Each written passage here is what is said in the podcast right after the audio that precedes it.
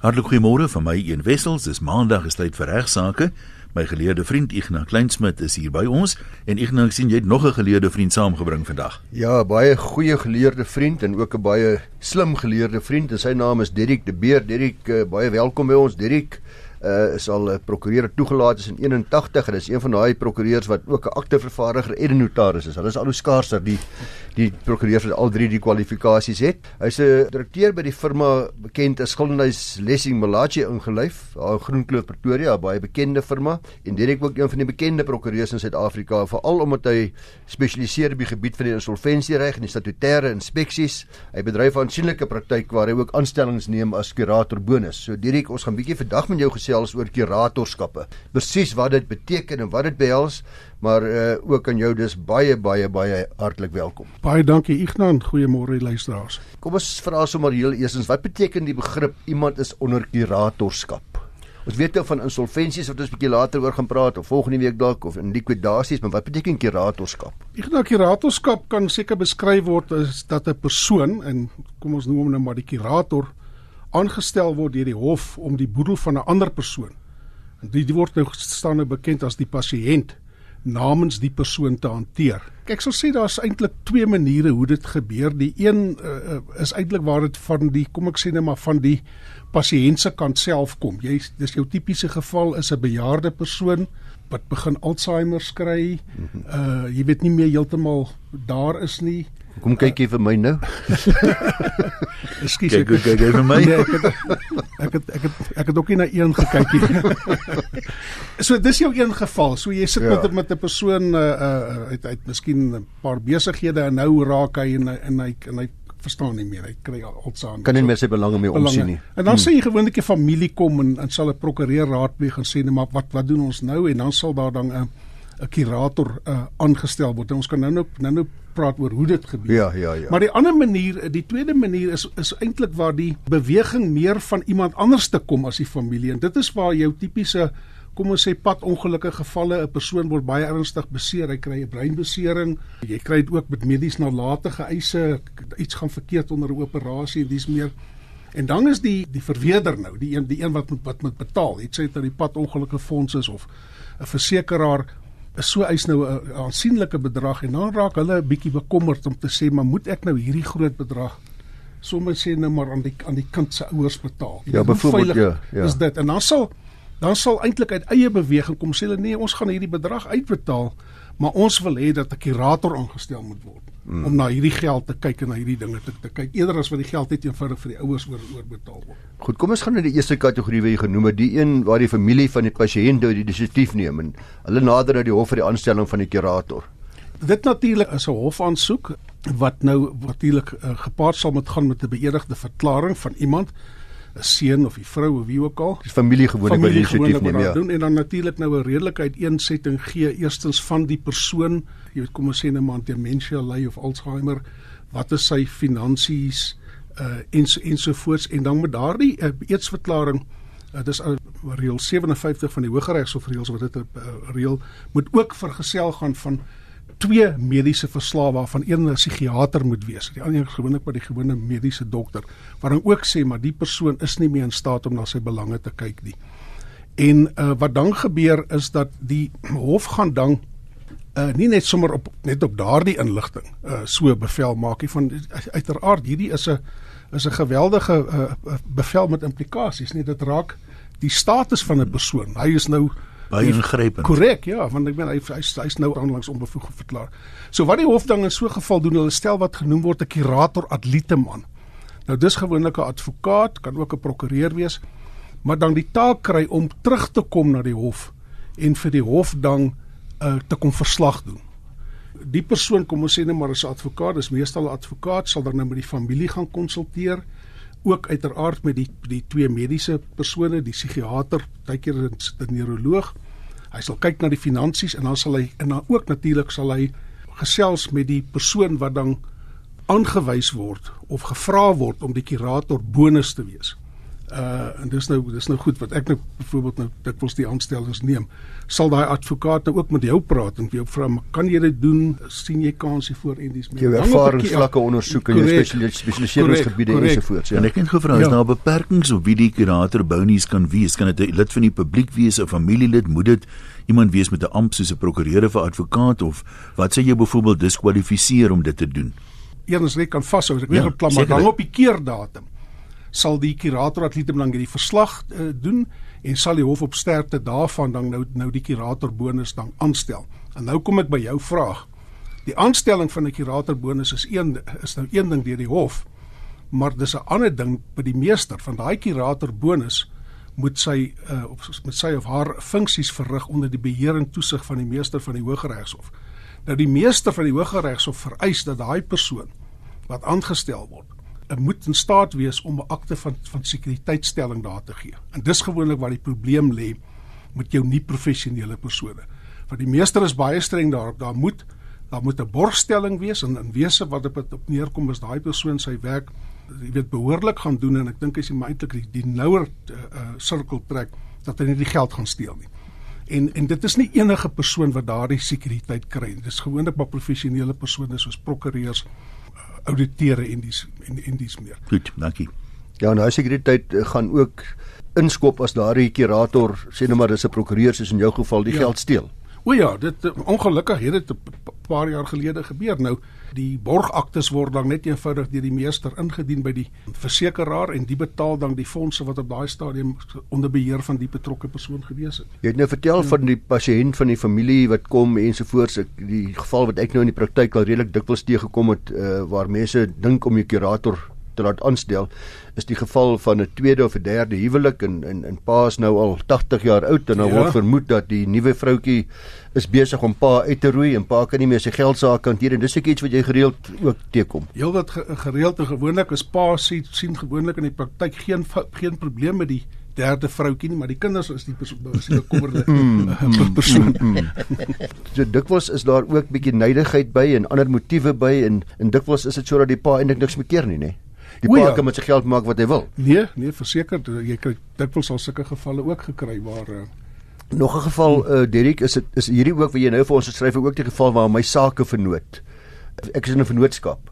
Ja. Ek het 'n dierbare goeie ou vriend, maar ek kan sien hierdie ou is nie meer lekker nie. Ja. Ek en hy se vennootskap werk nie meer reg nie. Ja. Ek ja. wil hom nie graag net as vennoot van ontslaa raak nie. Ja. Ja. Maar ek wil iemand vra om te help.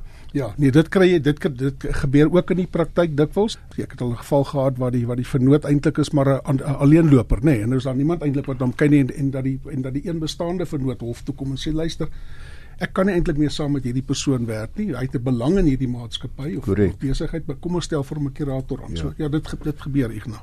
Nou waar volgens handel hierdie kurator bonus nou? Watter dokument word aan hom gegee? Kyk, wat hom magtig. Ja, soos ek nou nou gesê het, die meester se oogpunt is die eerste vereiste natuurlik. Hy die meester gaan kyk wie die wie die kurator is. Hy verwag dat daai sekuriteitsakte uh, gestel moet word of sonder dit gaan hy nie aanstel nie. En dan word daar wat genoem word 'n magtigingsbrief uitgegee. Ja. Ja. Baie soos wat jy nou in 'n bestorwe boedel 'n eksekuteursbrief kry of jy weet dis 'n dis 'n dis 'n wat jy noem 'n magtigingsbrief en daarvolgens handel jy dan. En moet jy gereeld verslag doen aan die meester. Ja, ja, hy is jou baas. Ja, wel ek dink jou eerste op 'n praktiese basis as jy nou 'n aanstelling kry, jy uiteraard nou met met die familie of jy sal ook uh, soos nou genoem word ek hou nie baie van die woord die pasiënt is dit nou maar bekend staan 'n konsultasie gaan voer soms is dit onmoontlik soms lê die persoon eenvoudig net daar in 'n in 'n vegetatiewe staat, maar soms kan jy daarmee met hom kommunikeer. So jy sal ja. jy hou 'n konsultasie met die persoon. Ehm um, onthou jy is 'n fiduciêre verpligting teenoor hom, nee, sy belang ja. moet met voorrang kry.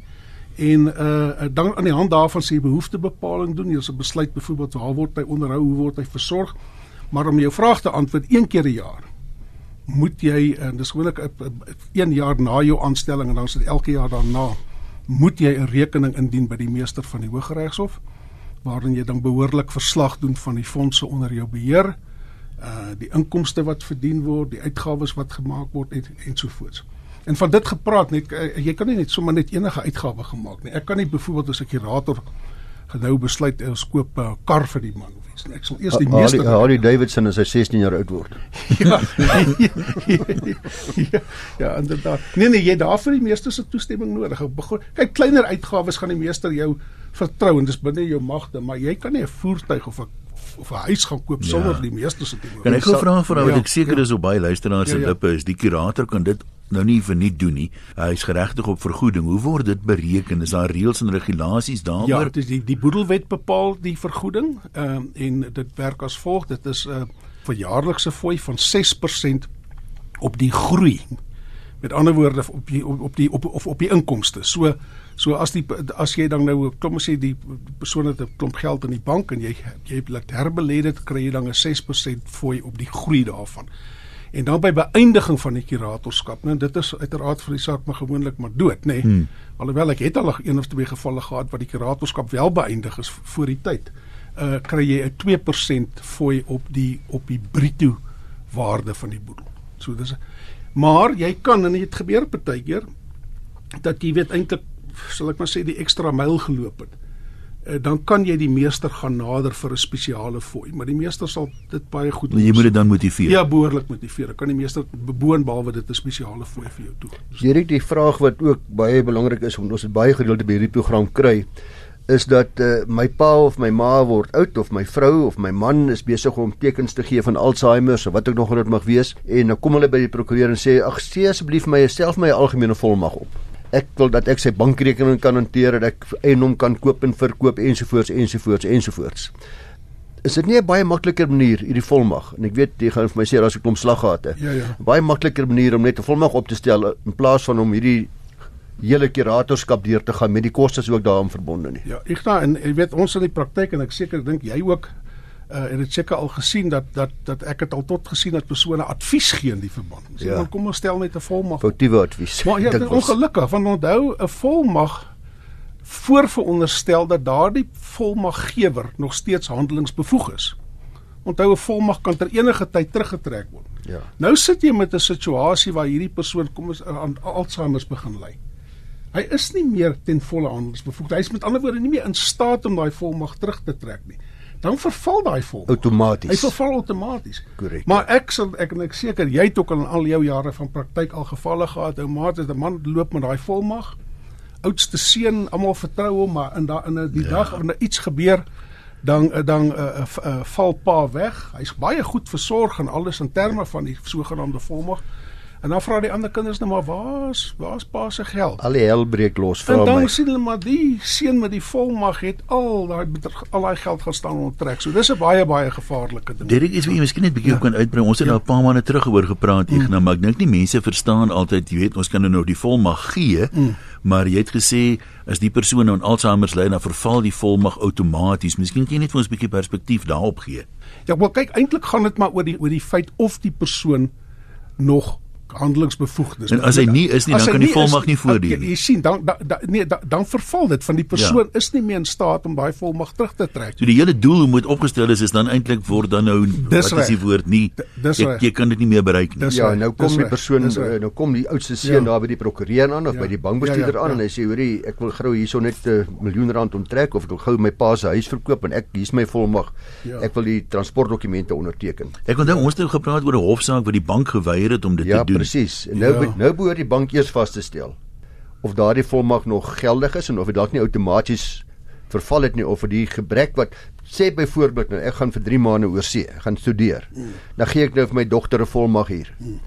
om sekere handelinge vir my te verrig. Maar nou 3 maande later is ek terug en, en dan die volmag nou eintlik nou verval want die volmag is baie keer net vir 'n beperkte tyd ja, of vir 'n ja, sekere ja, situasie. Ja, ja. So mense moet dalk net sommer doodseker maak wanneer iemand kragtens 'n volmag teken of daai volmag nog geldig is en of dit nie dalk outomaties uh, verval het nie. Ek het maar die reël in my praktyk dat as iemand iemand wil optree namens die volmaghouer, dan sê ek maar bring bring hom ook saam na die kantoor toe. Ek wil bietjie hom ook hom ook sien. ja, Verstaan nie wat ek bedoel van jy want jy het al gevalle gehad wat mense met 'n volmag handel waarvan die volmaggewer eintlik niks van weet nie. Uh, ek verstaan. Dit ons het ja, ook al die geval ja. hier gehanteer of met uh, kragtens 'n volmag testament kan teken.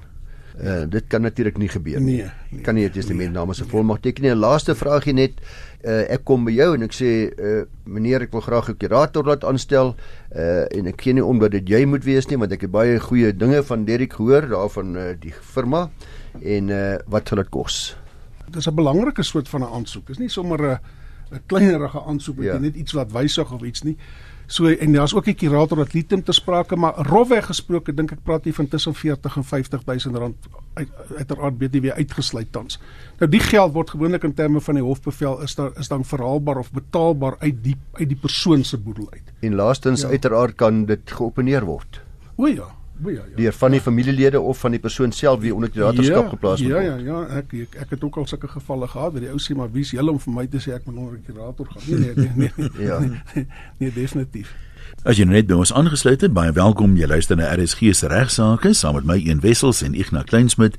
Ons spesiale gas vandag, Derek De Beer en ons praat oor kuratorskappe in die eerste helfte en nou gaan ons bietjie na bankrotskappe of insolventies toe. Ja, luisteraars, Dirk, soos ek vir julle in die begin gesê het, is ook 'n spesialis op die gebied van uh, die insolventie reg. Dit is belangrike sake wat dit betref gehanteer. Dirk, toe ek jonk was, toe ek 'n kind was, was dit ongelooflike groot skande as iemand bankrot was. Bankrotskap in 'n klein dorpie so waar ek groot geword het, was 'n skeldnaam geweest. Die eerste wat ek kliënte wat al 3 of 4 maal gesekwestreer is in sy lewe tyd. Ja, nee. Maar kom ons praat oor bietjie wat is insolventie? Wanneer is iemand dan nou insolvent? Ons nou nog gepraat van bankrotskap en dit is mos nou maar 'n um in die volksmond. Die man is bankrot. Hy kan my nie betaal in die in die klas van dinge nie. Maar wanneer ons van insolventie praat, dan praat ons van bankrotskap of insolventie wanneer daar 'n hofbevel is. Die Dis nou amptelik. Handelaar kom by my aan, hy sê my my betaling, ek sê ek kan nie hierdie maand of iets betaal nie en hy sê man, ek jy's bankrot of wat dan dan beteken dit nog niks nie. Jy's eers bankrot in die in die konteks wat ons hiervan praat, die dag as daar 'n hofbevel is wat sê jou boedel is nou gesekwestreer. So, en dan so, en dan hoor mense ja. dikwels van sekwestrasie en likwidasie en baie keer in die volksmond is daar 'n bietjie verwarring. 'n Sekwestrasie gebeur met 'n natuurlike persoon, nê. Nee, ek en jy, ons boedels gesekwestreer sou word, dan sou daar dan 'n kurator vir ons aangestel word. 'n Likwidasie het jy doen met 'n maatskappy of 'n beslote koöperasie, met ander woorde 'n regspersoon.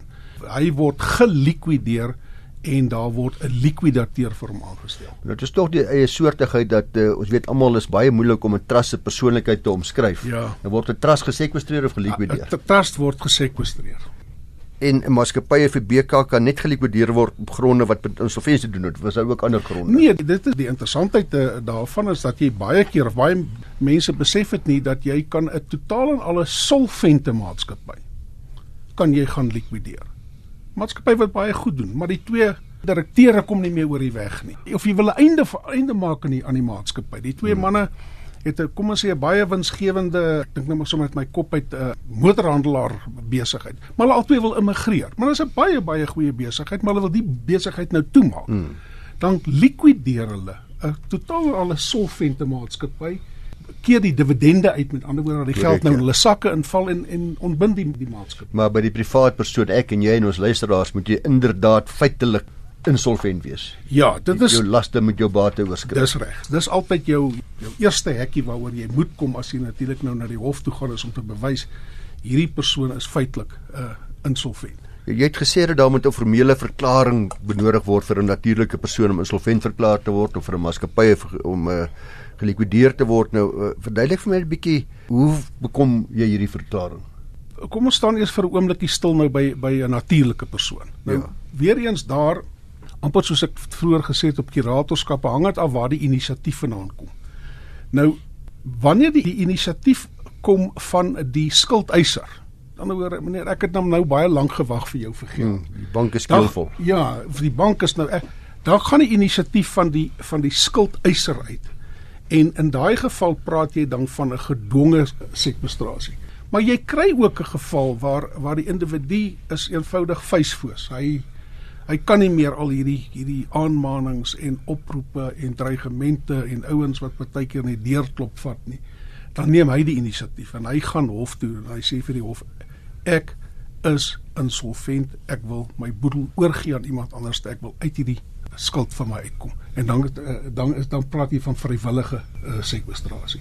En dan jy ook regspersone wat ook eie inisiatief kan neem, nê? Nee. Ja ja, jy kry dan by regspersone die dieselfde uh, aangeleentheid waar die maatskappy kan besluit ek neem self die inisiatief. Ek wil dat die maatskappy gelikwideer word. Dit staan nou dis tegnies, maar kom ek noem dit maar net vinnig.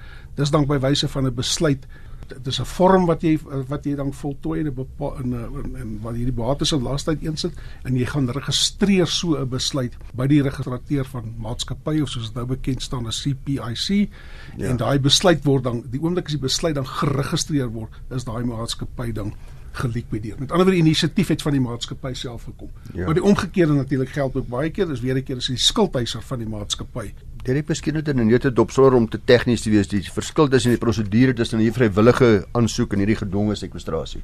Met 'n vrywillige sekwestrasie is die prosedure dat die skuldenaar die gee kennis van sy voorneme om sy boedel te laat sekwestreer deur middel van 'n kennisgewing in die staatskoerant en in 'n nuusblad in die distrik waarin hy woon. Ons praat van boedel oorgee nê. Ja ja, dis nou jy boedel boedel oorgee. Ek het boedel oorgegee. Ja, ek gee nou boedel oor. So jy plaas nou hierdie kennisgewing en daai kennisgewing is is 'n bepaalde vorm en dit en dit meld dan op 'n bepaalde dag.